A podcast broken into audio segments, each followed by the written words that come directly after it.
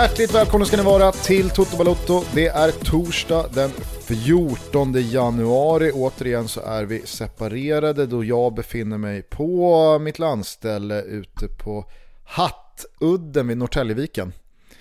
Eh, ruskigt nära Bosse Andersson va? Bor jag numera. Har ni haft kontakt eller du och Bosse? Ja, vi har haft lite kontakt. Stämt av läget i truppen och så vidare. Han ville ha lite ja, men min syn på olika saker. Det är väl rimligt. Din syn på olika saker, ni har inte pratat fotboll någonting. Det har bara varit snack om att get together och, och bilda något slags litet hattudden-gäng, lite som Alex Schulman de håller på nere på Gotland. Att det, det liksom bildas någon liten fotbollssamling där uppe i Norrtälje. Kan köra något knytis, knytisgäng. Ja, men du har väl eh, Jesper Andersson, din gamla polares farsa, han, eh, han, han är väl där uppe eh, kring Norrtäljetrakten. Fan, jag är landställe på Yxland, vi skulle kunna bli en bra, bra samling. du vill så gärna vara med? Ah, alltså jag, jag, helt ärligt, helt ärligt, jag klarar mig. Du, jag och Bosse över några fläskkarréer. Jag tror nog att eh, Kimpa Wirsén kan, kan dyka upp där också. Ja, han är inte svår. Eh, hur är läget då? Ja men det är bra, magnetröntgen imorgon 07.10 såg jag på kallelsen som kom från eh, mäktiga jävla Tälje sjukhus. Då vet Sveriges man att du har, fått en, eh, du har fått en påhittad tid. Ja men 07.10 är, ju en tid, eh, visserligen med barn så är man ju härdad, eh, sömn är en sekundär eh, sak. Men, eh, ja, nej, men det ska, bli, det ska bli intressant att se vad fan det är i det här jävla knät så man kan få någon ordning på det. Jag menade mer att det, det, låter som en 20 minuters lucka som eh, de har trollat fram åt dig innan ja. arbetspasset börjar 07.30. Ja. Min mamma är tannläkare va? Ja. Jag brukade ha 07.10-tiden. Det är väl så för att slippa behöva boka och köa. Mm. Eh, hör du, det har varit en fullmatad fotbollsvecka, dock inte med sådär jättemycket ligaspel. Det är ju bara England som har eh, hållit igång med en del eh, Premier League-matcher. I övrigt har det varit väldigt mycket kuppspel. Jag måste bara börja i änden Holstein Kiel mot Bayern München. Mm. Var du med igår? Ja, absolut var jag med. Även om jag hade personligen stort fokus på vad som hände i, i eh, Piemonte och Turin, men eh, jag är helt med på vad som hände. Ja, alltså det, det, har ju någonting verkligen. Även fast det är tomma läktare och corona och lite luftade lag eh, från, från toppgängen. Alltså vi snackade ju om Leeds stjärnsmäll här Eh, i senaste avsnittet eh, och att en del andra stora drakar jämfört med motståndarna faller den här tiden på året och det är väl inte så konstigt när det är ett jävla komprimerat spelschema och man prioriterar ligaspelet och så vidare. Men det går ändå inte att komma ifrån eh, liksom, glädjen man känner när ett lag som Holstein Kiel, som alltså aldrig har varit i eh, Bundesliga, som kommer från en liten skitig jävla hamnort i norra Tyskland. Vad fan väl... vet du om Holstein Kiel? Alltså Kiel, är det en liten skitig hamnort? Det är det väl nog säga att det, det finns eh, jävligt bra grejer att hitta i och kring Kiel. Ja, vet du vad Kiel är i alla fall för mig och varför man har en relation till Kiel? Jag tänker färja. Ja, jo, visst, absolut. Men för oss svenskar som är i min generation, väldigt mycket din generation också, som alltså präglade av eh, Bengan Boys och världens bästa handbollslandslag genom tiderna så var ju liksom Kiel det var ju, det var ju slutdestinationen. Spelade man i Kiel, då var man fan klar. okay. Hade inte Kiel både Stefan Lövgren, Magnus Wislander och Jubomir Vranje samtidigt? Ja men det är, det är nog inte helt otänkbart. Uh, handbollstotto kanske inte är det starkaste, men du har jobbat med, med handbollen, den klassiska styrmerfaulen.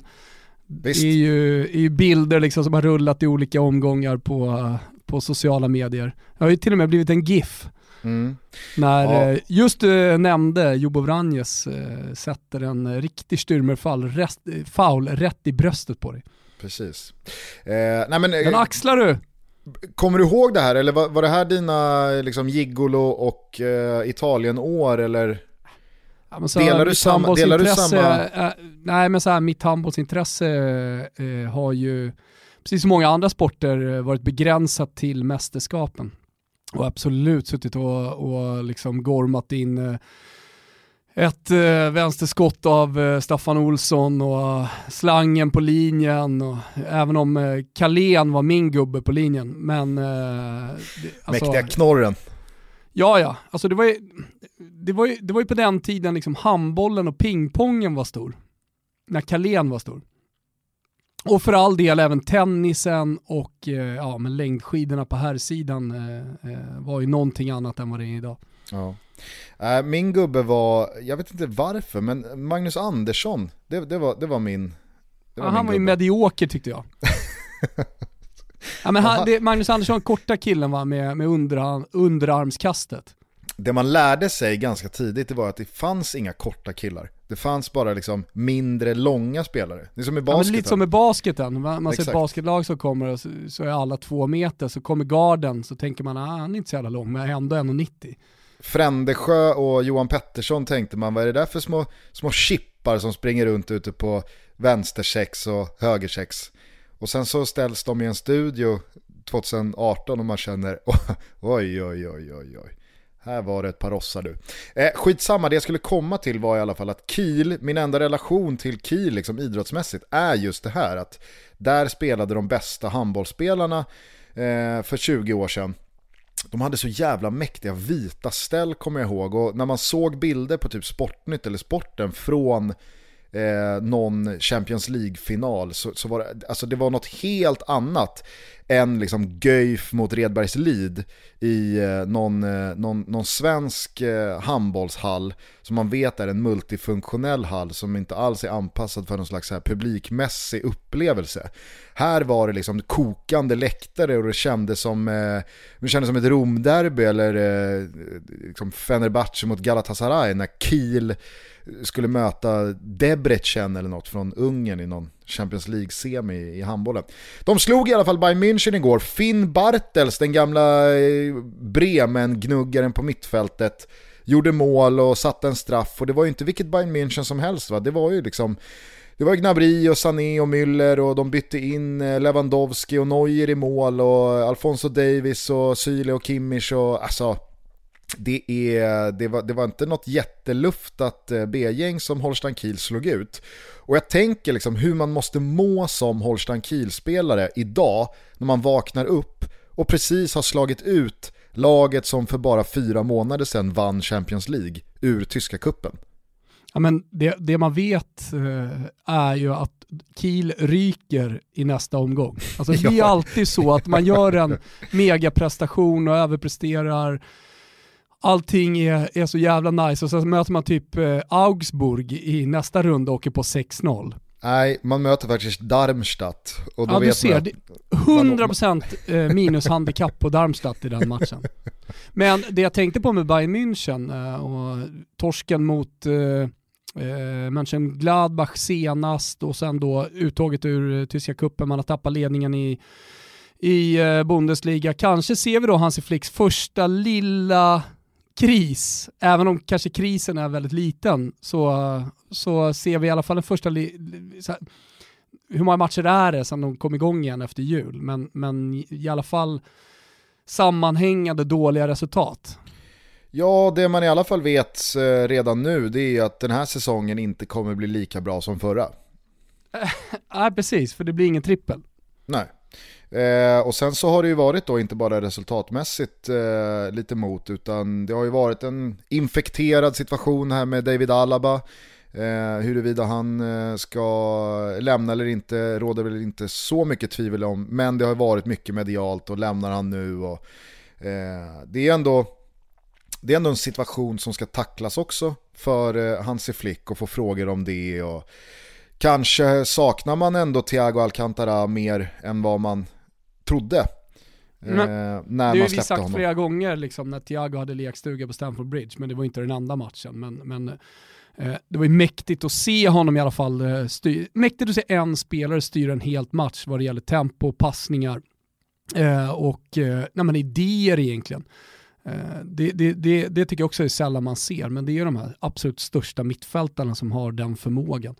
Sen tror jag att man överlag eh, kanske har pratat lite lite om just Bayerns avsaknad av Thiago just för att han ännu inte har kommit igång ordentligt i Liverpool. Det har varit eh, lite sjukdom och framförallt skador och ganska hackig speltid och han har inte varvat igång där än. Hade han spelat från start i Liverpool den här säsongen och varit fenomenal så tror jag att man mer hade pratat om vilken spelare Bayern München har tappat och hur mycket de saknar honom. Men i och med att det inte har varit speciellt mycket Thiago alls över den här hösten, vintern, eh, så tror jag att man har, man har glömt det lite vad gäller Bayern München. Så att, eh, ja, eh, men hur tror du Holstein Kiel-spelarna mår då? Jag tror att det blev en dyngfylla igår. Alltså där, där, där sket man ju restriktioner och jag, jag tror också att eh, myndigheter inte gjorde speciellt eh, detaljerade kontroller på pubbarna eh, där på kvällen. Så att, eh, det, det, det, det, var nog party och det, det har de definitivt förtjänat. Jag hoppas det i alla fall. Jag hoppas att man eh, på något sätt eh, styrde upp en lagfest och, och verkligen njöt av stunden och, och, tog det som att man hade vunnit en final. För att eh, det, det är de definitivt värda. Eh, vad har din eh, midweek präglats av? Ja, men mycket Raiuno. Alltså, jag, jag har ju följt den eh, italienska kuppen som jag tycker är jävligt rolig. Jag tycker att den är det varje år. Den är utformad så att det, det är en jävla verksamhet hela vägen fram till eh, åttondelsfinal och då kliver topp 8-lagen in. Eh, och då är alltid lite mindre lag som har lyckats ta sig vidare. Vi har Spal till exempel som kliver in i turneringen idag. Och eh, ja, men så här, eh, något, något Serie B-gäng brukar alltid vara med eh, fram till åttondelsfinalen och spela en stor match. Eh, så att jag menar, så här, det finns det inslaget och sen så eh, är det ju så i Italien, om man kollar på de senaste nio åren så har Juventus vunnit ligan. Alltså det finns, eh, finns bara Coppa Italia att vinna för många av de här provinsklubbarna, större provinsklubbarna, även utmanarna. Vilket betyder att det finns en stor prestige och eh, ett stort jävla fokus från klubbledningshåll då som letar sig ner hela vägen till ja, spelare och supportrar normalt sett. Eh, så att det blir stor uppslutning kring de här matcherna och det blir ett stort fokus. Eh, så att eh, alltså, så från medialt håll i, i, Italien så, så har det ju, så, alltså, det, det är 100% allvar. Och det är en titel eh, som betyder extremt mycket för egentligen alla klubbar, kanske då lite mindre Juventus eh, som Eh, kallas för Gobbi för de har vunnit så mycket och det kan man ju, det kan man absolut förstå. Även om de inte avfärdar det här. Eh, så så det, det, har präglats av eh, Rais ganska svaga studios. alltså Rai, Rai är ju motsvarigheten vet ju alla till, till SVT. Normalt sett så gör de liksom inte fotbollssändningar. Och man märker ju det då. Eh, att det är B-laget som kliver in och, och, och gör fotboll. Det är lite som när André Pop ska in och göra Studio Allsvensk det är lite som när André Pop ska in och göra allsvenskt magasin. Man märker att han bottnar liksom inte riktigt i fotbollen, även om han bara är en eh, moderator och en programledare som ska styra in experter. Du fattar vad jag menar Gustav. Men vilken eh, kropp. ja, vilket axelparti. vilken torso. Det får man ge honom. Ja, det får man verkligen ge honom. Eh, nej men det, det är bara fakta, så är det ju. Det är väl inga konstigheter med det. Men eh, nej, så, och, ja, jag, tycker, ja, jag gillar verkligen Coppa Italia. Eh, jag, jag, tycker att eh, den eh, är, ja, men dels eh, har alla ingredienser som jag tycker liksom en fotbollskupp eller en turnering ska ha. Alltså all, drama, det blir ofta tajta matcher. Även om de här stora lagen fokuserar, mot, är motiverade, vill vinna till varje pris, så blir det en viss liksom, kuppkaraktär på matchen i och med att det ska avgöras. Här är det inte hemma borta utan eh, det blir förlängning och det blir straffar. Och det fick vi se helt mycket eh, i, i veckan. Och dessutom, så här, som när jag såg Juventus igår, så, så, var det ju som jag sa, Baby Juve, som kom ut med spelare som man eh, inte hade sett tidigare. Någon, någon brasse som heter Wesley och en tunisier som i slutändan avgör på förlängning. Eh, som så här, när man kollar matchen man säger, ja någon liten Tunisia, men vad kan han vara? 16-17 bast, vad är det för megatalang? Men Juventus har ju blivit lite som eh, eh, Real Madrid och de är det första laget i Italien eh, att faktiskt ha ett andra lag. Och i det andra laget skulle man ju teoretiskt sett typ kunna värva Markanen för att gå upp en division för att det är i Serie B man vill ligga. Nu ligger de i Serie C. Så i, uh, i uh, intervjun efter matchen då med Tunisien som jag faktiskt har tappat namnet på, tänker inte kolla heller. Ham Sharafia. Uh, just det. så, så, så säger han det liksom, fan, ja, för några dagar sedan så spelade jag match i Serie C mot ja, vad det nu var för lag som de mötte. Och här spelar jag nu med de här mästarna, eh, jag får avgöra i en viktig åttondelsfinal eh, mot Genoa på det här sättet. Men, men han är då född 1999, alltså det är absolut ingen ålder på en, på en häst. Men är man född 1999 och spelar i serie C, det kan ju mycket väl vara så att när han summerar sin karriär så, så gjorde han sin största match, spelade sin största match där och då. Mm. I alla fall topp 10 kanske i hans karriär. Det är, det, det, det är möjligt att Raffia in, inte kanske blir någon stor spelare vad det lider. För att Juventus använder sig av sitt U23-lag i Serie C för att ja, men, ha koll på de här kanske late bloomers. Eh, I dagens fotboll så är väl en 99 en lite late bloomer om man spelar i Serie C just nu. För jag menar det finns ju också, man, man utnyttjar möjligheten att eh, låna ut spelare till Serie B-klubbar fortfarande också. Det är ett hack upp. Så att, eh, det, ja, det, det, det, det, var väldigt speciellt. Han dedikerade i alla fall eh, eh målet till, ja vem då Gusten? Hmm. Kan han ha dedikerat Han, han har varit till... i Italien länge, han är en ung talang och eh, vem dedikerar man målet till då? Om man har varit i Italien länge... Han pratade bra italienska så jag har inte kollat tillbaka på hans karriär men han, han var tunisisk, han pratade med brytning men, men han pratade bra, bra italienska så jag tänker att han har gjort en ungdomskarriär ja, jag fattar, i, i jag, jag, försöker bara, jag försöker bara läsa hur du tänker. Alltså så här, det skulle ju kunna vara påven men det skulle ju absolut kunna vara sin mormor eller sin mamma. Men det hade också kunnat vara, jag dedikerar det här målet till, till Cristiano. Nej, men han dedikerar ju såklart målet till mamma.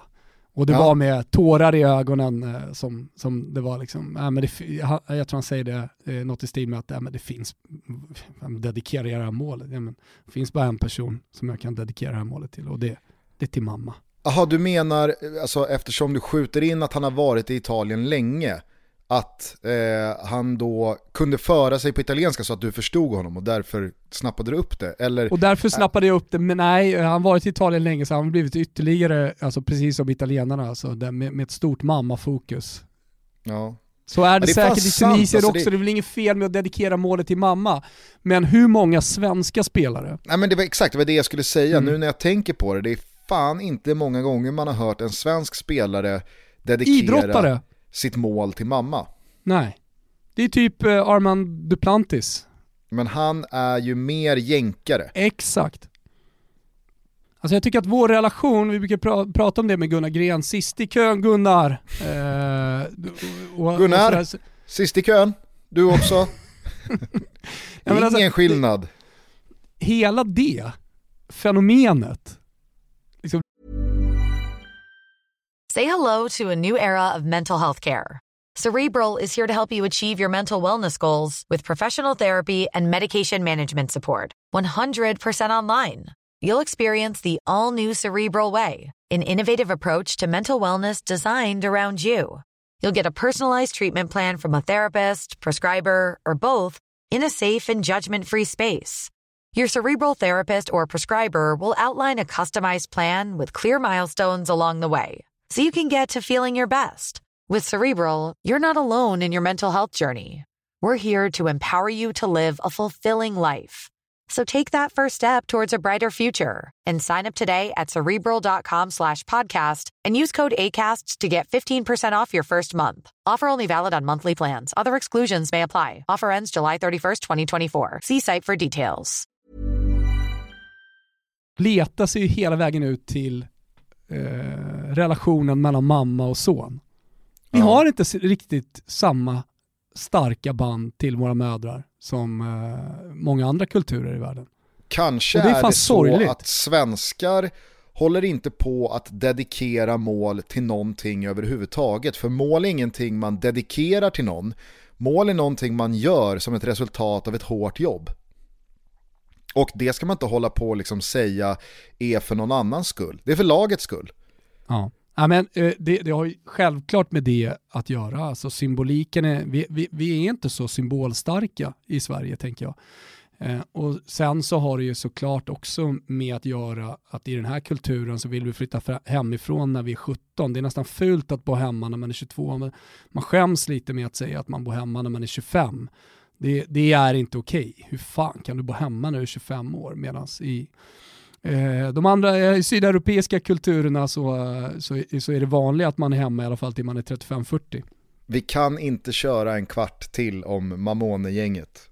Vi det kan, men vi kanske inte ska. nej, nej, så är det.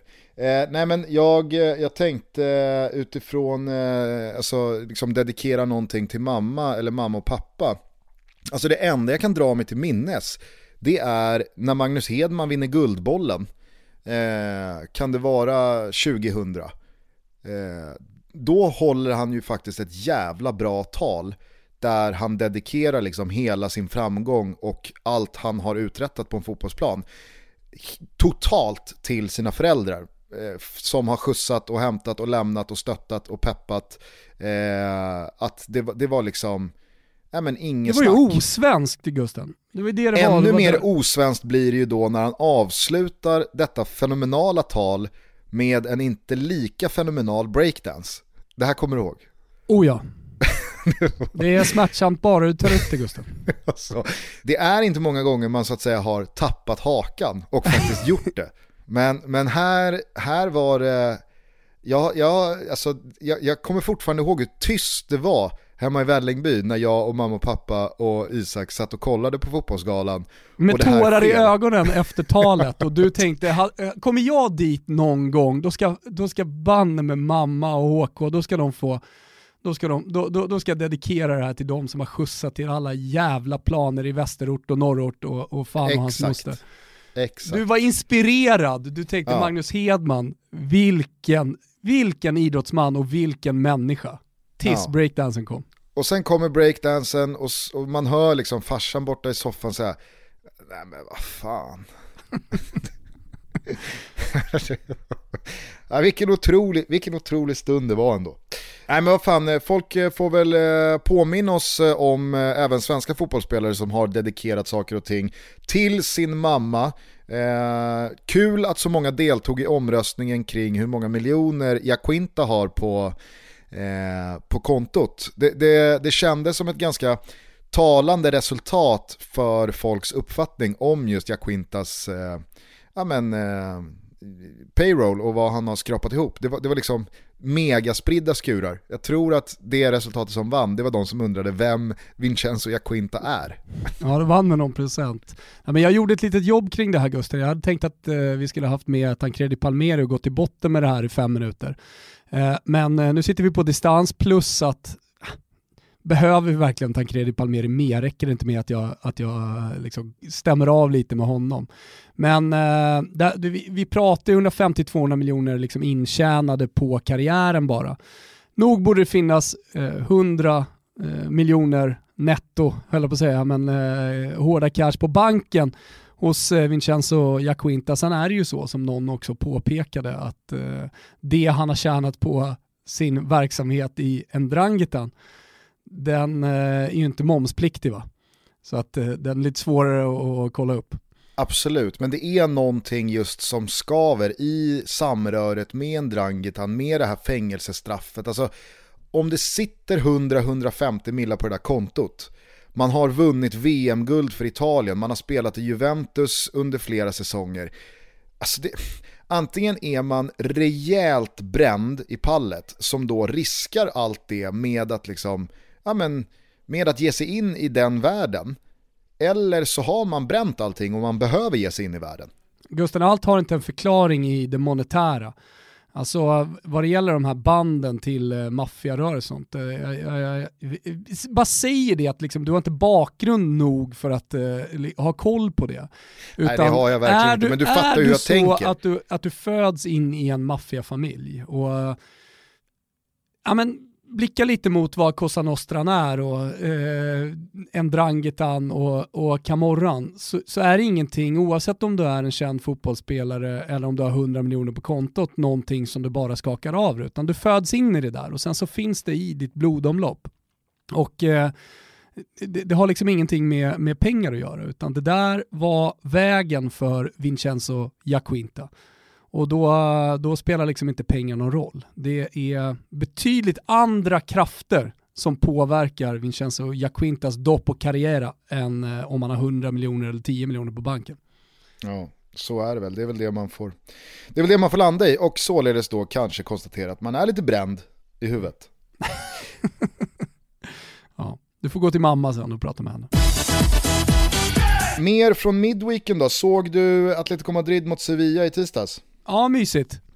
Jag eh, är ju alltid med dig när du påtalar att det inte delas ut några ligabucklor i januari utan de delar man ut i maj. Men eh, jag, eh, jag, jag, jag, ser inte hur Atletico Madrid bommar här alltså. Nej, inte jag heller. Nu leder man med eller, fyra poäng om man, om man, ner till Real Madrid med två matcher mindre spelade. Ja men precis, och kolla lite historiskt, vad är Atletico Madrid för typ av lag och hur, de, eh, hur har säsongerna sett ut? Okej, det kanske inte har varit eh, ett eh, titelaspirerande lag varje år även om man har varit i toppen. Men är det någonting liksom, som är Diego Simeones Atletico Madrid så är det ju en hög lägstanivå. Och eh, oavsett liksom vad Barcelona och Real Madrid gör från nu fram till maj så kommer inte Atletico Madrid tappa speciellt många poäng. Man är jävligt bra på att vinna 1-0, 2-1 och dessutom när man får vittring sådär så tycker jag mig se en extra växel i Diego Simeones lag. Eh, jag, jag, var ju på den där eh, titelmatchen på Camp Nou och allting gick liksom emot med Diego Costa som var tvungen att gå ut efter 27 minuter och eh, tveksam form på David Villa och ett Barcelona som ändå hade 100 000 i ryggen. Nu har man väl en, liksom ett ganska gott öga till just eh, Atletico Madrid så det var, in, det var ingen kokande kittel. Det hade varit det betydligt mer i, på Camp Nou om det hade varit Real Madrid som stod på andra sidan och jag tror att det hade varit en annan stämning. Men man hade inte jättemycket emot att det var Atletico Madrid som vann den titeln trots allt. Så, eh, men, men, men ändå så stod man upp. Man är, man är redo att gå ut i krig med, med en skadedrabbad trupp och man, man är på ett sätt som jag kanske inte tycker Real Madrid och Barcelona är, gå ut och spilla det sista blodet så att säga i, i, i matcherna om det så krävs det. Så jag, tal, jag, jag, tänker liksom att den här, den här lägsta nivån, och men, men fan också i år en högsta nivå med Jao Felix som har kommit igång på ett sätt som man inte har sett honom tidigare i Atletico Madrid. Och, ja, men en, en, jäv, en jävligt låg lägstanivå, en extremt hög eh, högsta nivå. Så, så, så tror jag inte man kan knapra ikapp det där. Och även om Messi har kommit igång nu, Barcelona ser bättre ut, så, är man ändå inte så bra att eh, man kan käka ikapp det. Och Real Madrid har fortfarande problem tycker jag. Sannoliken, jag skulle bara säga det på tal om det vi pratade om eh, i förra avsnittet med bakslag på skaderehabiliteringar eh, och när man jobbar mot en klocka att komma tillbaka till eh, då ett mästerskap, men det har ju varit andra matcher genom historien också. Det där var ju sån jävla vår för Diego Costa, kommer du ihåg det? När han, ja. han pressade den där baksidan som var dragen och inte läkt eh, to the fullest liksom. Alltså, mm. jag, jag vill minnas att han, han startade matcherna och linkade av efter en kvart, typ tre gånger. Mm. För att han ville så gärna vara med. Mm. Ja men så var det. Och sen har han gjort jättemycket för Atletico Madrid fram till den skadan. Men, men eh, det var lite som Niklas Kult i den där Davis Cup-matchen eh, som spelade fem set med lindad baksida, höll på att vinna. Otroligt alltså. En av de största hade han vunnit den så hade det varit en av de största bragderna i idrottshistorien i Sverige. Hade han dedikerat den till mamma Kulti? Så Kulti har det i sig tänkte på det för eh, den som har i sig mest i Sverige det är ju Dejan Kulusevski. På tal om att ha varit i Italien länge och, och sådär. Ja, ja faktiskt. Stark eh, dedikerad till mamma aura mm. på ja, men det är, det är också en standardfråga. Det borde, det borde bli en standardfråga till unga idrottare som typ har debuterat eller gjort sitt första mål i allsvenskan eller vunnit sitt, sitt första skidlopp. Vem dedikerar det här till, den här framgången till? Det borde liksom komma in som standard, precis som det är en standardfråga i eh, många andra länder. Ja, och då tänker jag bara spontant, borde inte Vilka han ha ska fått lägga in den, i frågan? faktarutan? Ja. Alltså, oavsett om vi har med en kollega eller om vi har med en uh, spelare eller tränare. Så, liksom, vem dedikerar du din framgång till? Vem dedikerar, du, vem dedikerar du fjärdeplatsen i Guldskölden till? mamma. Ja, ma mamma. Nej men eh, eh, alltså, borde inte då Kulusevski ha fått den frågan efter första målet i Parma, första målet i Juventus och så vidare? Jag kan inte minnas att eh, jag har eh, läst den blänkan på Fotbollskanalen eller Expressen. Nej, det är för att vi inte är uppmärksamma. Vi bryr oss inte om svaret på frågan, vi bryr, bryr oss inte om frågan. Därför så rajtar vi liksom inte den intervjun, eller den frågan eh, kommer liksom inte med, utan eh, någonting Nej. annat. Ja, det kanske är så. Eh, tillbaks bara till eh, Atletico Madrid, för att jag, jag, eh, jag, måste, jag, jag, alltså jag kan inte nog eh, dela ut eh, högsta betyg här. Alltså jag, jag tycker den här matchen mot Sevilla, det är, det är så jävla Diego Simeoniskt hur man genomför den där, den där matchen. Alltså, Sevilla har lite vind i seglen här efter eh, ett par vinster mot slutet, man har lite häng och man har en eh, spjutspets i, i, i form. Eh, man, eh, alltså så här, man, jag, jag, tror man ändå åker dit och tänker att vad fan, vi kan, vi kan, väl, vi kan nog störa eh, Atletico Madrid. en i Siri på topp och eh, ett lag där bakom som, eh, ja, men, som, som går starkt lite i skymundan. Eh, man tar tag i bollen och man skapar lite men alltså Atletico Madrid har sån koll. De har sån kontroll. Jag, alltså jag tänkte på det igår när jag satt och såg eh, Spurs försöka liksom då, jaha nu har vi gjort 1-0 hemma mot Fulham, nu ska vi dra tillbaks trupperna och bara slå vakt om den här 1-0-ledningen för att spara lite energi, men vi är så jävla bra på att hålla nollan att det kommer bli tre poäng ändå. Alltså nu har ju Mourinho försökt göra det, jag vet inte hur många gånger den här säsongen, och misslyckats. Alltså Mourinho har tappat den, alltså säga vad man vill fotbollsideologiskt om Mourinho, Eh, men kan man nöja sig med 1-0 och sen bara totalt och fullt kontrollera en eh, sista halvtimme eller en andra halvlek och vinna med 1-0, ja men då, har, då, då, då, kan man i alla fall inte liksom kritisera utfallet. Men Mourinho verkar ju inte kunna stänga matcher på något sätt, vare sig med att döda den med två, tre mål framåt eller då dra tillbaka trupperna, parkera bussen eller vad man nu vill uttrycka det som och hålla nollan. Men Atletico Madrid, alltså de, de är Ja, men, det, det jag, liksom... jag, måste bara säga det liksom, kring Mourinho så är det självklart ett Mourinho-problem. Eh, men det är också eh, ett lagproblem. Eh, jag har märkt i intervjuer nu att eh, spelarna är beredda på den typen av frågor. Alltså även igår efter 1-1 eh, så, så fanns det en beredskap mentalt hos, eh, jag kommer inte ihåg vem det var som, som intervjuade, så jag tror det var Höjbjer, att eh, så här, ja, men den här frågan kommer komma, nu har vi tappat igen och vi spelar ingen bra fotboll. Och både Mourinho och spelarna har ju liksom vid upprepade tillfällen eh, påpekat att så här, vi vill inte hamna här. Vi vill fortsätta spela, men det har satt sig på något sätt mentalt i truppen. Sen är det säkert en, eh, en Mourinho-problematik från början en fotbollstaktisk eh, miss liksom från Mourinho, att han inte har förberett sitt lag på att vara i den situationen på ett bättre sätt än vad man har gjort. Men eh, det, det, har ju nu satt sig i tekniska, eller det har mynnat ut i tekniska misstag och eh, en, en rädsla. Alltså ta Djurgårdens eh, SM-guldår där, där, där, det, där det var precis motsatsen. Alltså man, man eh, ligger under eller har ett kryssresultat med kvarten kvar Alltså de visste att de skulle vinna den matchen. De var redan vid tre poäng, det här kommer vi ta. Förr eller senare gör vi mål. Det är fan, det är tre, fyra minuters tillägg i snitt i, i matchen. Fan, vi har 20 minuter på oss här. Det är klart vi gör mål. Medan det hos Mourinhos eh, lag snarare mentalt är motsatsen då. Att så här, fan, vi leder med 1-0 men vi kommer torska det här. Så att jag, jag tror att problematiken är större än Mourinho men den grundar sig i honom. Ja, absolut. Men är det så så måste man ju också kunna kräva mer av Mourinhos matchcoachning. Nej, men jag, tror, jag tror att det handlar om eh, utveckling och, och att växa liksom för, för eh, Tottenham. Jag, jag, tror att man kommer komma ifrån det där. Jag tror att Mourinho kommer jobba på det. Jag tror att spelarna kommer lära sig. Men man måste börja med att vinna 1-0 snart, igen. Man måste börja med att eh, liksom göra en jävligt stark avslutning, kanske till och med vinna med 2-3-0 och få, få utdelning på, eh, på kontringar eh, och känna lite andrum och, och, få lite självförtroende från den typen av matchsituationer. Där måste man börja och sen så växa i, i, i det. Mm.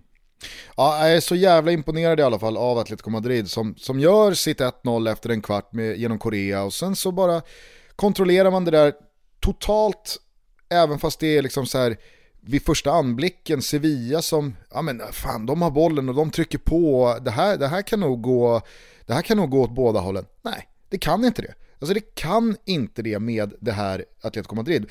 Man har sån jävla fin bredd och jag tycker att nu är man liksom helt läkta ifrån Godins exit förra året. Jag tycker man har fått till det otroligt bra med Hermoso. Jiménez har blivit den stora försvarsgeneralen som man såg eh, komma upp och hålla handen jämte Godin för några år sedan. Och, alltså, säga vad man vill om Stefan Savic alltså, men han sätter inte många fötter fel. Nej. Han är, han det är, också, är en, det är, också det är en, en underskattad karriär. jävla mittback alltså. Ja, det var en intressant karriär för att han fick ju, han var ju bra i Fiorentina men sen så fick han ju stämpel på sig att vara en uh, osäkerhet va? I, i försvaret. Det var ju mm. City han gick till. Ja.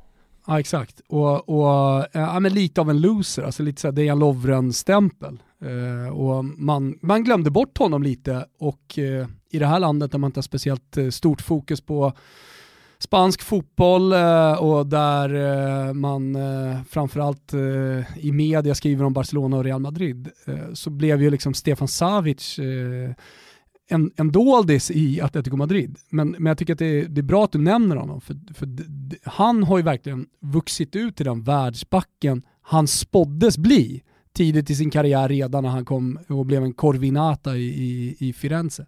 Nej men och, och, han är ytterligare bara en av alla de här spelarna som under Diego Simeone med förtroende, med Eh, en, en, liksom, en konsekvent speltid eh, utvecklas och, och, och alltså, hittar sin plats, förstår sin roll i ett lag som är väldigt mycket samma eh, från säsong till säsong, även fast det byts ut eh, en hel del profilspelare och det tappas en del nyckelspelare, så är det ju väldigt mycket Diego Simeone över hela laget. Och så länge han är kvar så, så, så tycker jag att det, alltså det, det, är så jävla, det är så jävla häftigt att se Atletico Madrid hela tiden vända på kurvan efter att den har gått lite neråt ett tag. För att det, det blir så efter tid när Diego Simeone står vid den där sidlinjen. Alltså, vi, vi har ju redan pratat om Lemar som Diego Simeone gick ut och försvarade ordentligt här i höstas. Marcos Llorente, vilken jävla utveckling på honom. Joao Felix, stegen han har tagit. Du har eh, alltså, spelare som Saul som eh, återigen hoppade in här och såg ut som en av Spaniens absolut bästa spelare. Det var ju en spelare som för 3-4 år sedan när han liksom breakade på bred front med några Are you ready to enhance your future in tech? Then it's time to make your move to the UK, the nation that has more tech unicorns than France, Germany, and Sweden combined. The nation that was third in the world to have a $1 trillion tech sector valuation. The nation where great talent comes together. Visit gov.uk forward slash great talent to see how you can work, live, and move to the UK. Where's that dust coming from? Still finding debris after vacuuming? Eufy X10 Pro Omni Robot Vacuum has 8,000 PA of powerful suction to remove debris deep in carpets. And it's totally hands free. Want to know more? Go to eufy.com. That's EUFY.com and discover X10 Pro Omni, the best in class all in one robot vacuum for only $799. Matchavgörande mål i Champions League och i ligaspel. Eh, slog sig fram som en spelare som man tänkte så här, men det här, det här, är, det här är nästa liksom David Silva, självklara spjutspetsen på ett mittfält i 5, 6, 8 år i spanska landslaget. Sen så har det gått lite i stå, lite upp och ner och, och det har inte liksom blivit det där sista utropstecknet bakom honom. Men alla de där spelarna, vet, de, de gnuggar på, de är kvar. De, ja, de är, tycker, är sådana jävla bra fotbollsspelare. Jag tycker alltid man eh, landar i det när eh, man pratar om eh, ett ledarskap eller en, en tränare och, och, tränarens framgångar som är ja, då lagets framgångar. Att eh, just ledarskapet, att individuellt få spelarna att prestera max utifrån sin talang är det absolut viktigaste, eller den absolut viktigaste egenskapen hos en tränare. Om du kollar alla lag egentligen som är framgångsrika och har varit framgångsrika så har det varit just det att spelarna i de framgångsrika lagen har presterat sin bästa fotboll under just den coachen. Sen får de ihop det lagmässigt också, men du måste hitta rätt roll, du måste jobba med deras utveckling, du måste ha ett visst typ av ledarskap som höjer spelarna, som får dem att nå nya nivåer. De är redan supertalanger och de har redan kommit långt i sina karriärer och fått sina feta kontrakt. Men att då kunna jobba med spelarna och utveckla dem och få dem att prestera max, det, det, det tycker jag man landar alltid i när, eh, när, man, eh, när man pratar om eh, tränare och framgångsrika lag. Och där mm. är ju Simeone en av de absolut bästa. Mm. Ja, och i modern tid en av de absolut bästa. Det är väl bara att kolla på alla de här toppspelarna eh, som, som har lämnat, inte minst eh, långt fram i banan. Då är det ju som du säger, går man igenom, går man igenom Godin, Falcao, Forlan. Godin upplever ju just Diego nu sin Costa. bästa tid i karriären. Nej, det, det gör han Som härförare i Cagliari. Ja. Nej men alltså ta, ta Godin, Forlan, Diego Costa, eh, Grishman, Falcao, eh, vad har vi mer?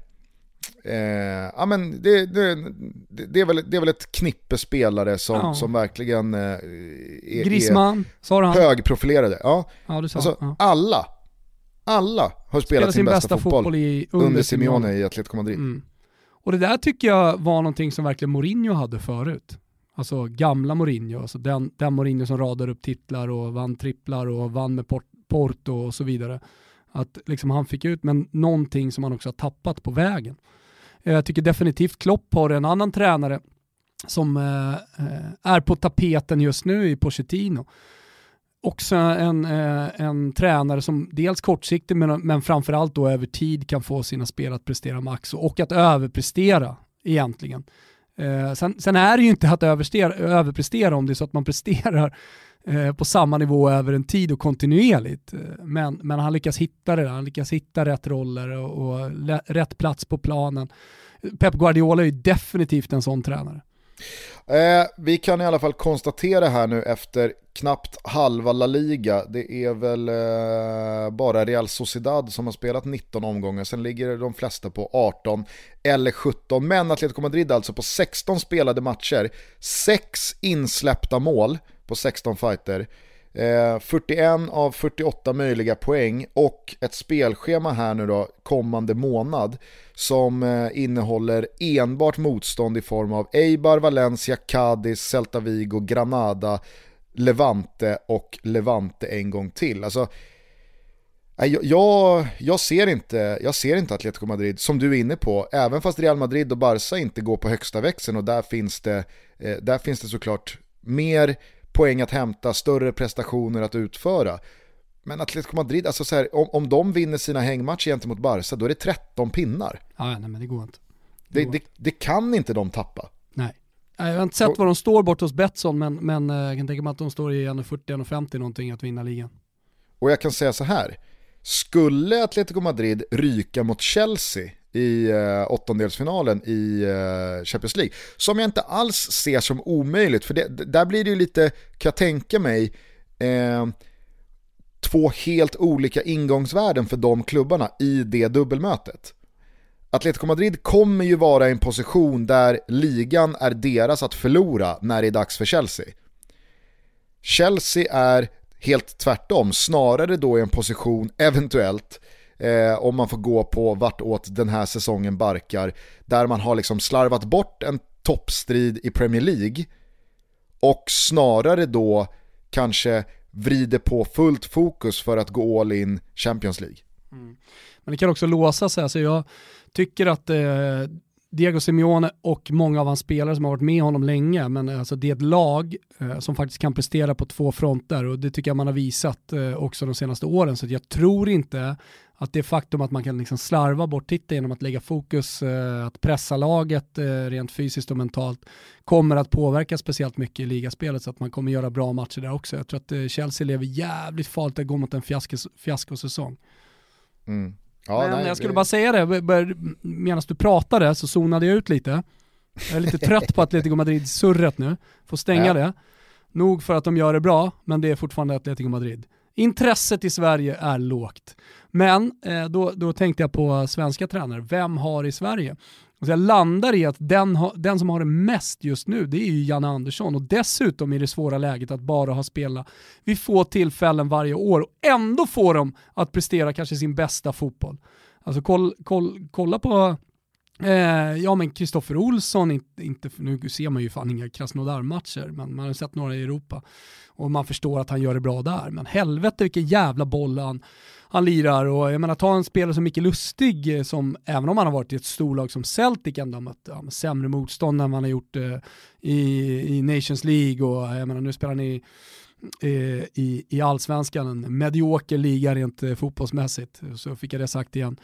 Eh, och eh, nej men, här, när han kommer till landslaget så höjer han sig. Jag tycker att det är många andra spelare också som, som är där. Sebastian Larsson till exempel, en, en, en, en lirare som alltid gör det jävligt bra och gediget jobb och som trots sin ålder och, och man säger trappar ner liksom lite grann i, i, i allsvenskan så, så, så presterar han ändå när, när han väl kommer in i landslaget utifrån hans förmåga. Det tycker jag ändå lite överprestation.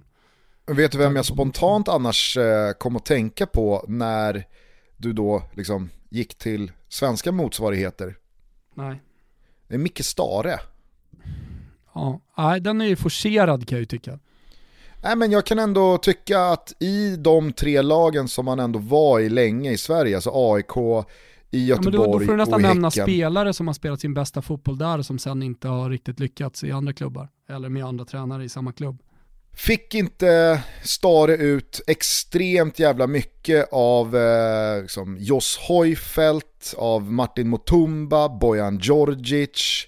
Eh, jag, jag, alltså, Mutumba jag definitivt. Tänker, jag tänker inte ta på mig någon hatt och säga att jag såg Ivan Obolo vare sig innan eller efter hans tid i AIK. Det är det som blir problemet med att jämföra Stare med de här giganterna. Jo absolut, men sen kan man gå till... Därför är den forcerad man kan gå till IFK Göteborg också. Det, alltså, det finns ju spelare som var i IFK Göteborg under Stare som jag i alla fall inte har sett vara i närheten av lika bra i allsvenskan, varken innan eller efter. Du får låta Häcken marinera likadant. den Gusten. Du får låta marinera den. Och sen så måste jag bara skicka in att Stare är definitivt en tränare som i, nu har ju varit i Toto, men som på frågan skulle dedikera framgången till mamma. Ah, sin fru va? Mamma. Nej. Han har det i sig i alla fall. Mer än många andra. han kanske, han överväger att dedikera det till mamma, men sen landar han i ett nej ändå. Nej. Och så tänker han, vad är bäst för husefriden? Det är bäst att dedikera den till frugan. Samtidigt som Rickard Norling dedikerar den till eh, Giampiero Ventura. Jaha, inte mamma då? Nej, nej fan heller. Det, det, var ju hos Ventura jag, jag eh, såg Nangia, Nangiala första gången. Hörru du, eh, det finns ju hur mycket som helst att prata om från den här midweeken måste jag säga. Det var, det var liksom, det var tentakler ute precis överallt. Ja, men eh, det blev ju så att man ja, men du, du ser spelare kanske med lite annat fokus när man kollar på kuppfotboll. Jag sprang på då en, en ung karriär visserligen, men som jag tyckte var jävligt intressant. Jag vet inte så mycket om den, jag vet inte varför det har blivit som det har blivit. Jag eh, vill definitivt fördjupa mig i det, men jag har läst få intervjuer, även den som det har gjort speciellt många intervjuer kring beslut som har tagits eh, av vad jag tänker är agenter och föräldrar eh, men också av spelaren själv. Och det är Gianluca Scamacca. Vad, vad har du på Scamacca Gustav? Nej men eh, jag har väl att han eh, mini-breakade lite i eh, Genoa-derbyt här i, i, i höstas. Eh, med ett jättefint mål. Mm. Eh, att han har eh, otroligt eh, fula halstatueringar. Och att han eh, på lite så här Belotti-manér spås eh, en framtid av att det här är Italiens nästa stora prima punta.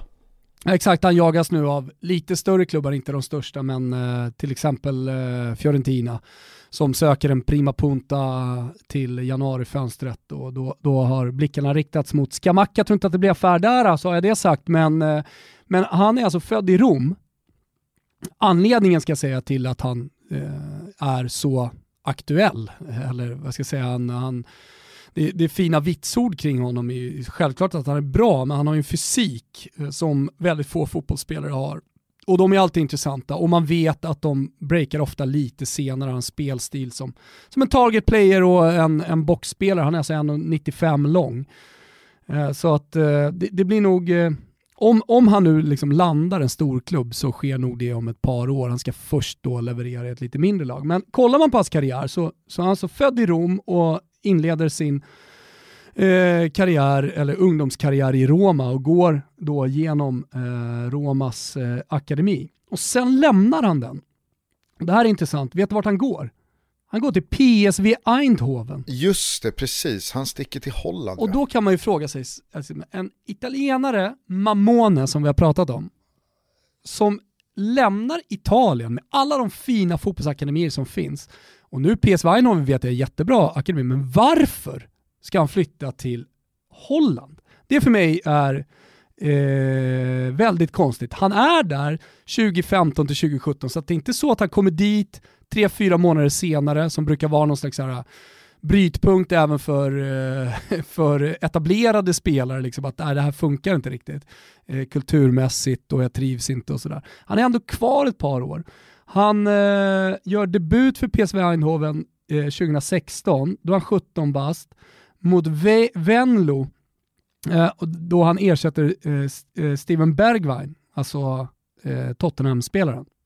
Och då tänker man så här, okej, okay, nu, har, nu har seniorkarriären också fått fart. Vad händer då med den här spelaren? Jo, men då går han till Sassuolo. Jo, men alltså akademin.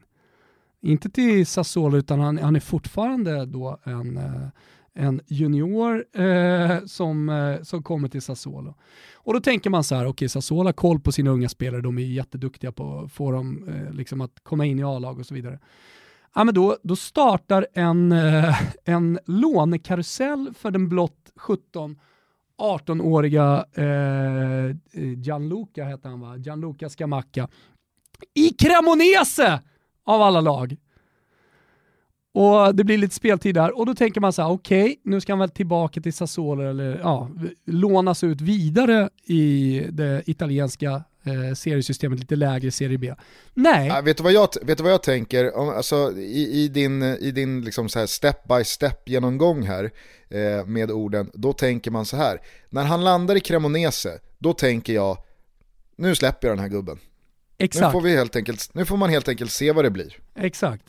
Och då släpper honom ännu mer när han 2018 går till, på lån fortfarande då, från Sassuolo till Pek Svolle i Holland. Så han är alltså tillbaka i Holland. Gör åtta fighter, inga mål. Så man får ju ändå kalla det för en, eh, ett misslyckat litet eh, andra holländskt äventyr. Kommer tillbaka, blir tredje gången utlånad för Sassuolo för att spela seniorfotboll till Ascoli. Och där kommer ju då ett litet break. Han gör nio mål på 33 matcher och eh, inför den här säsongen så eh, kollar väl Sassuolo på om man ska liksom behålla honom, men eh, inser man att man är kanske lite för bra, han kommer få lite för speltid och det är uppenbarligen viktigt för honom.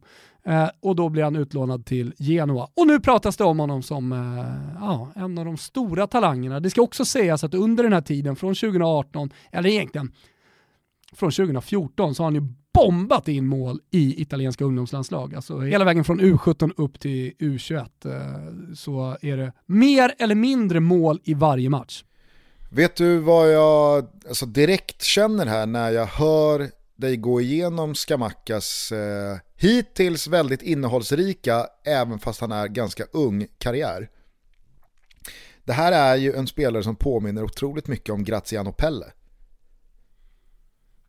Och så ja. tänker jag att i någon slags här motsats till Mamone-gänget så påminner de ju också väldigt mycket om varandra i hur man ser ut. Alltså, jag tror inte Graziano Pelle hade det jättesvårt eh, i, i skolan att få kompisar och få tjejer. Eh, jag tror inte att Skamacka heller led av den eh, problematiken utan det här känns som två ganska så lika killar i form av karaktär att vad fan, jag, jag behöver inte bo hemma hos mamma, jag behöver inte ligga i pojkrummet eh, bredvid farmor och farfar tills jag är 28 utan jag sticker, jag Kanske drar. Kanske är Scamacca då italienska undantaget i Mamone-gänget eh, som bekräftar eh, Mamone-regeln, att man alltid dedikerar eh, målet till mamma. Alltså Scamacca, han, eh, han dedikerar ju målet till Bobo Vieri eller någon, ja, någon annan eller någon gammal som, idol. Ja, eller någon som har liksom sålt en Harley Davidson till honom. ja, precis. En skön gubbe, en skön gubbe som liksom driver någon eh, motorcykelbutik i Rom. Ja, men något åt det hållet i alla fall. Ja, och Graziano Pelle känns ju likadan. Graziano Pelle har ju inte dedikerat ett mål till sin mamma under hela sin karriär. Nej, sen, sen ska vi säga att Graziano folk... Pelle var ju ändå 22 och någonstans etablerad i seniorfotbollen när han gick alltså, till, till Holland, för han spelade i AZ under några säsonger och var jävligt bra där. Absolut, men du får ju också komma ihåg att att vara 20, 21, 22, 2005 är ju som att vara 17, 18, 19, Inte 20, Italien. 21. Inte Italien, där står, där står den tiden stilla. Ja, men fotbollskarriärsmässigt så har ju allting förskjutits med tre år neråt i åldrarna. Det kan jag köpa. Jag menar bara att du har en lånesväng, Lecce, Catania, Crotone, Cesena, innan han drar till AZ i Holland. Är där, tillbaks till Italien, Parma, Sampdoria, lån fram och tillbaka innan han vänder tillbaka till Holland. Och Helvete vad bra han var då i Feyenoord. Ja, men du fattar, alltså det är ju väldigt, det är ju väldigt mycket samma start på karriären. Jag menar, jag menar så här, sök, söker sig till England sen i Sotan och, och, och gör Kina-svängen och stannar liksom kvar i Kina-svängen. Han har absolut inga problem att resa och upptäcka andra kulturer.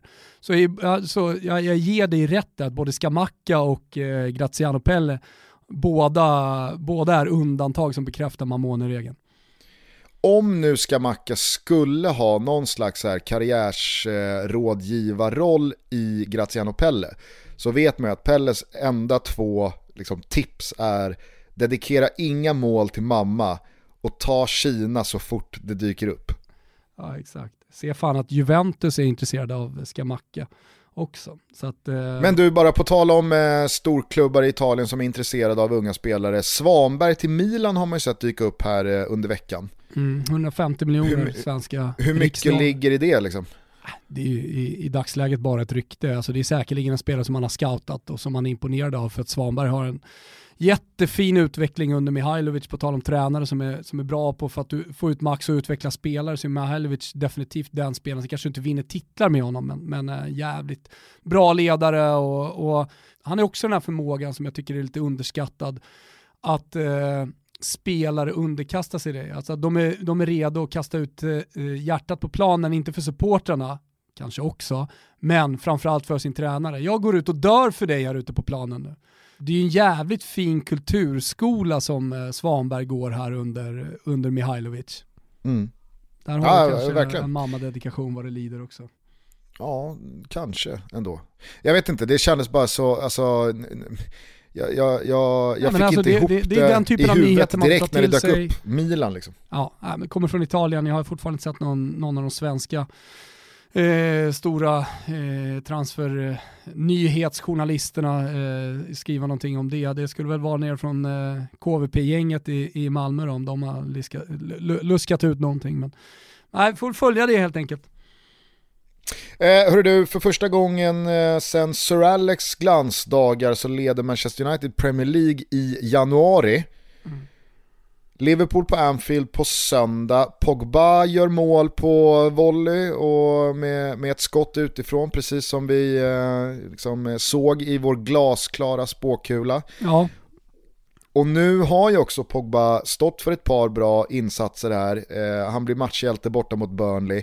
Nu är vi ju där att han är en matchavgörande åt rätt håll insats eh, mot Liverpool ifrån, tror jag, att inte ha en enda kritiker i eh, United supporterled. Ja, ja men absolut. Alltså, vi ska summera det där om någon månad om det fortsätter att gå åt det här hållet och han fortsätter att vara så här viktig. Men, men eh, på tal om att liksom hitta roller som passar spelare, det är ju någonting som man har diskuterat kring Pogba hela tiden, att han trivs bättre högre upp i plan snarare än att vara Eh, ett nav eh, defensivt och, och, vara speluppläggare, det går ofta lite för sakta och kanske är lite för slarvig också i det spelet om jag ska vara helt ärlig och lite för slö kanske också.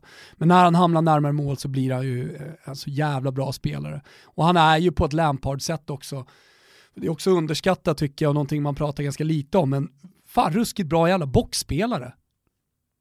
Alltså när han kommer in med fart i boxen då, då är det farligt för han är dels lång och en bra avslutare. Mm. Ja, det blir en eh, ruskig holmgång eh, på söndag i seriefinalen då. Eh, och återigen får man väl ändå säga, det har varit även för oss objektiva en lång väntan på en riktigt tung match mellan Liverpool och Manchester United. Alltså, ja. Det var lite som med Milan-Juventus förra veckan.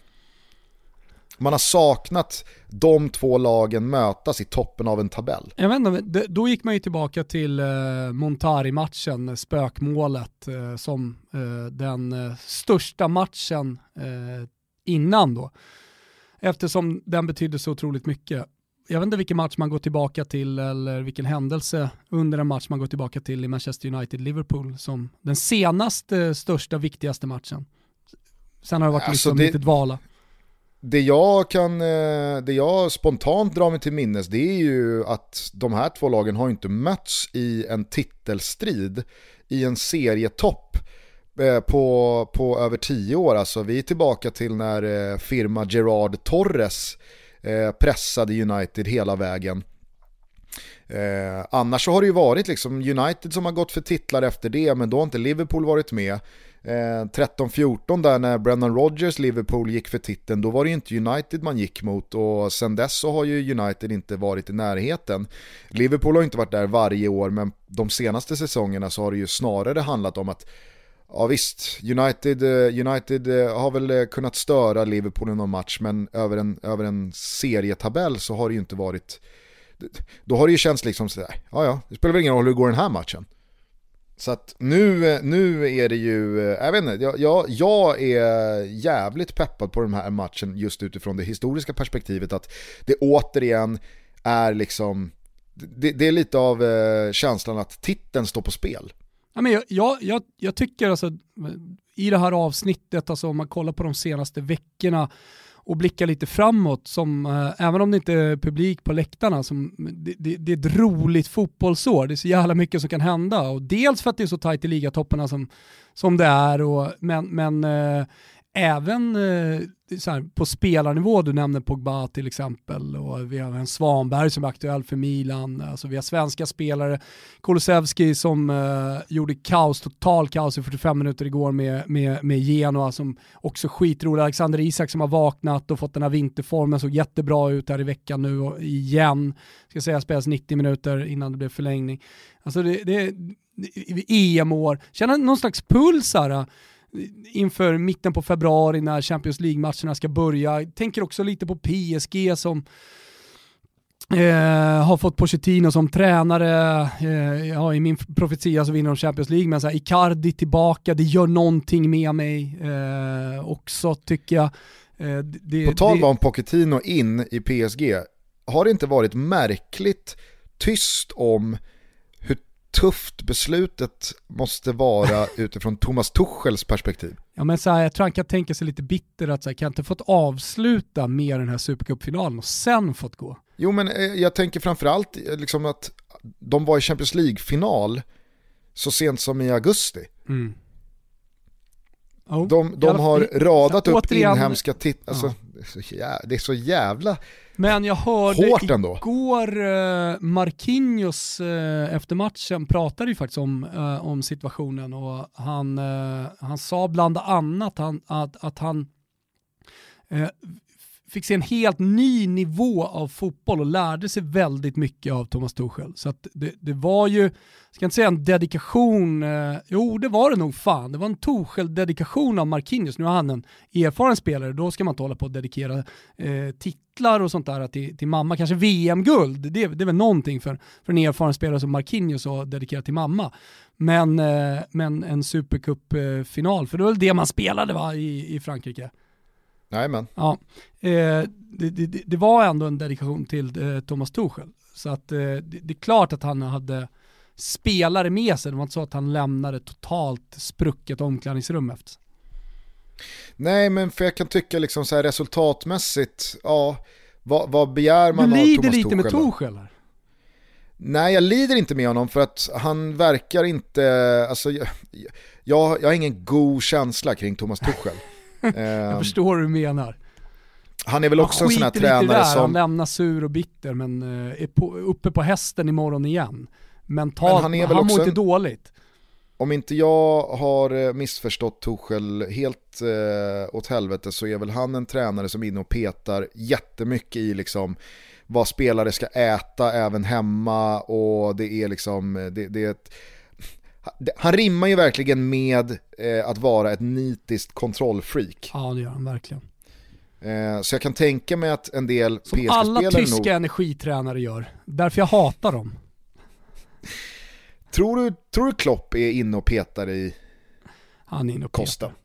Ja, nu får jag väl Liverpool-supportrarna emot mig, men jag kan tänka mig att han är en och petar precis allt. Att han är ett har ett, ett, enormt kontrollbehov. Även om han ger sken av att vara sköna killen, så tror jag nog det. Ja, jag vet inte, det, det, var bara någonting jag kände när Pochettino väl tog över, att så här, vad fan, alltså, ah, det var inte så att han åkte i åttondelen och att de, de har gått käpp käpprätt här nu mot slutet, utan det är fortfarande ett PSG som har alla möjligheter i världen och fortfarande är megafavoriter till att vinna ligatiteln. Man har imponerat eh, totalt sett eh, i Champions League i den tuffaste gruppen och eh, man var i Champions League-final så sent som i slutet av augusti. Fan hårt att få dojan då. Eftersom, Ja, men eftersom eh, vi har noll känslor för medmänniskan Thomas Tuchels mentala tillstånd så skiter vi bara i det och går vidare, eller hur Gusten? Ja, jag såg några bilder igår efter eh, Supercup-finalen då när Pochettino kramas hjärtligt med Neymar och det är så jävla god stämning eh, när han har tagit sin första titel. Och så parallellt med det så har Mourinho återigen sumpat två poäng hemma mot ett bottengäng med Spurs som bara står och backar hem och är svindåliga. Alltså som det gick att ta på frustrationen hos Tottenham-gänget igår. att så här, vad fan har vi gjort? Mm. Varför har vi inte Pochettino? Allting, alltså, allting var perfekt. Ja, men vadå inte men nu står vi Pochettino här. har inte bara med liksom Spurs att göra, han vill väl också hitta nya utmaningar. Jo, men jag tror att Pochettino, han hade nog gladeligen varit kvar i Spurs eh, länge Jag är inte så säker på det. Är du inte det? Jag är inte så säker på det. Även om man skriver sin egen historia och, och kan eh, liksom mena det så här i efterhand så är jag inte så säker på det. Du skulle ha sagt det till Erik i, Han är inte missnöjd i, i idag december, i Paris. Du. du skulle ha sagt till Niva det i december där. Du Erik, det kanske låter hårt det här. Men Pochettino var färdiga med er. Ja, ja men jag, alltså så här, det, det, jag avfärdar det definitivt inte. Hörru du, det är ju sannoliken fullmatade fotbollstider som alltid den här säsongen. Imorgon så är det Derby della Capitale, Lazio-Roma. Missar du inte? Nej. Det är bara att ratta in Simor för härlig Serie A-fotboll hela helgen lång och vi avslutar helgen med Derby d'Italia, mm. alltså Juventus mot Inter. Den eh, ramar vi dessutom in med Fotbollssöndag Europa blir ju otroligt. Eh, jag vet att, du in, jag vet att, att det är Inter-Juventus också så slipper eh, folk slå mig på mm. eh, pekfingrarna här. Jag vet att du innan avsnittet hade ett möte med redaktör Pierre Mattioni Stor mm. Roma-supporter för övrigt. Vad, vad, vad har vi att vänta i sändningen Gusten? Någonting måste du kunna ge. Är inte Mattione Inter? Ja, men lägg av. Har du jobbat med Mattione ett halvår, eh, längre än så till och med, och inte vet att han är stor Roma-supporter? Det är sanslöst. Det är fan ett underbetyg till Mattione. du får ta det med honom. Ja. Alltså om något så, så är han ju Liverpool. Ja, under de åren jag jobbade med Mattione så var det Roma-halsduk på ständigt. Det är mycket, mycket AIK också. Ja, ja, ja, Eller är det Djurgården? För, för, för, mig, för mig är han bara Roma i alla fall. Jag är högst märklig, men bjud på något nu då. Vad fan ska ni göra när ni ramar in? Vi ska ställa eh, Lukakos eh, vikt i Inter mot Ronaldos vikt i Juventus. Ja, återigen så, så stöder ner mot Wilbur Josés eh, liksom utläggningar i Toto Balotto. Det är inte första gången det händer Gusten. Vi stödjer väl oss eh, lite mot dina och mina givande och tagande samtal kring vem som är MVP mm. bland de randiga. Mm. Eh, tyder också på att du har lite makt i de här sändningarna. Det tycker jag är bra Gustav, för det betyder att jag har någon slags sekundärmakt över sändningarna. Jag älskar det. Ja. nej men det, det, kommer bli eh, en eh, skithärlig eh, söndagkväll. Det kommer bli en fantastisk Serie A-omgång. Det vågar jag lova med två sådana kronjuveler. Ni ser som alltid all Serie A-fotboll eh, på Simors kanaler. Eh, vi ska givetvis ta ut en Toto-trippel också borta hos våra vänner på Betsson. Det enda dock jag känner redan nu starkt för är att båda lagen gör mål på Anfield. Mm. Ja, jag har faktiskt eh, samma känsla, jag tror att det blir målrikt överlag, men absolut att båda lagen gör mål.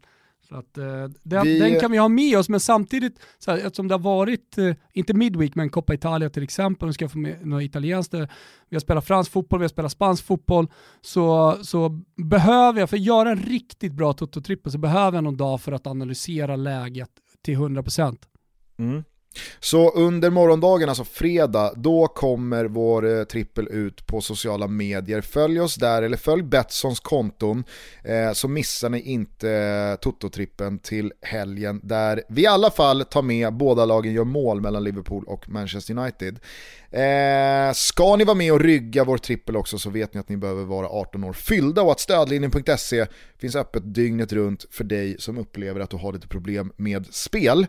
Eh, är det någonting mer du vill få av hjärtat eh, innan vi stänger ner butiken? Två saker, tips till söndagssittningen inför Derby d'Italia. Pepsi. Det är eh, stalltipset. Alltså ska ni ha en riktigt trevlig kväll på söndagskvällen, det är måndag dagen efter, man ska upp på hästen, man ska jobba, man ska komma lite sprudlande med rappa steg in på kontoret, eller vad man nu är om man är hemma. Ja, men ta, ta, ta, gör, gör något kul, gör en sommar-Pepsi, häll upp ett glas, lägg ner en citronskiva, rack, häll i er Pepsi. Och du ska synas i tv och du syns i tv hela tiden med din fina nuna. Jag är ju radioansikte numera, jag syns ju inte speciellt mycket. Men för alla som ändå vill se Wilbur José göra bort sig i rutan igen så rekommenderar jag I båten med Giga.nu. Finns på YouTube på Giga.nu, så det är bara att söka på YouTube. Eh, deras kanal kommer ut idag torsdag när jag under en timme, eller under en dag, eh, fiskade tillsammans med min kusin. Eh, och där får man både Riktigt svaga kast. Eh, jag tror jag slänger upp den åtta meter i en gran eller en tall. Eh, också lite nakenchock pre eh, viktnedgången. Det var smärtsamt att se Augusten eh, när jag kollade igenom det här avsnittet igår. Men för er som ändå känner att så här, fan, det är ändå lite kul att se mig i rörlig bild. Ja, men då, då finns, eh, finns gäddfisket från Jämtland eh, på, på, på YouTube. Ja, snyggt. Ja. Eh, jag ska fnula vidare här under torsdagen på vilka spelare som egentligen spelade sin bästa fotboll under Micke Stare. Eh, och ni får ha en fortsatt trevlig dag och ett härligt veckoslut så hörs vi igen på måndag. Eh, vem dedikerar du det här avsnittet till?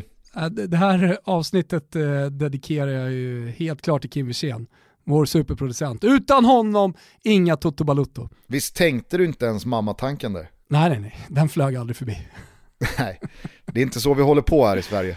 Ah, jag skulle definitivt kunna, kunna, om jag nu har haft någon framgång i livet så skulle jag definitivt vara en av de få personer i Sverige som dedikerar det till mamma.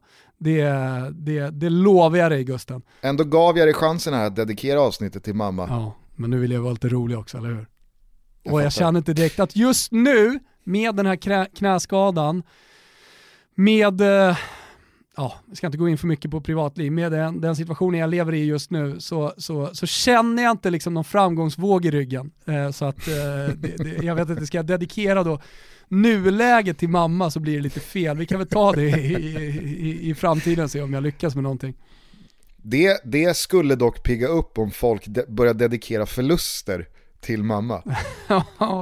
Jag dedikerar självmålet till mamma. Jag har precis, eh, precis pratat om den, den sorgliga kroppen, jag har den liksom på näthinnan. Eh, det, det, det, bedrövligt att se alltså, fy fan jag mår dåligt, jag äcklar dem själv liksom, när jag kollar på de här bilderna. Så, eh, och börja prata om dedikationer till mamma, det, det, det, får komma sen om jag, om jag når någon framgång. Ja.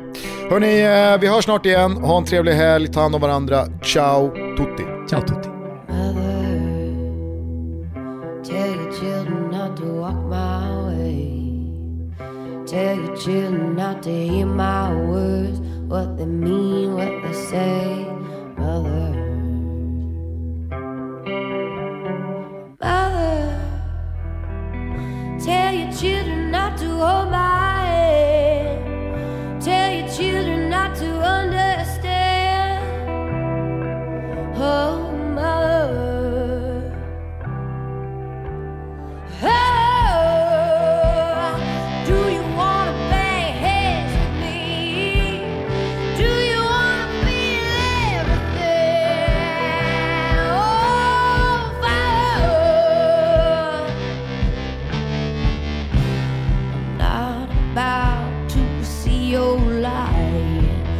But if you wanna find hell with me, I'm gonna show you what it's like. Till you're bleeding, I'm not about to see your light. But if you wanna find hell with me, I'm gonna show you what it's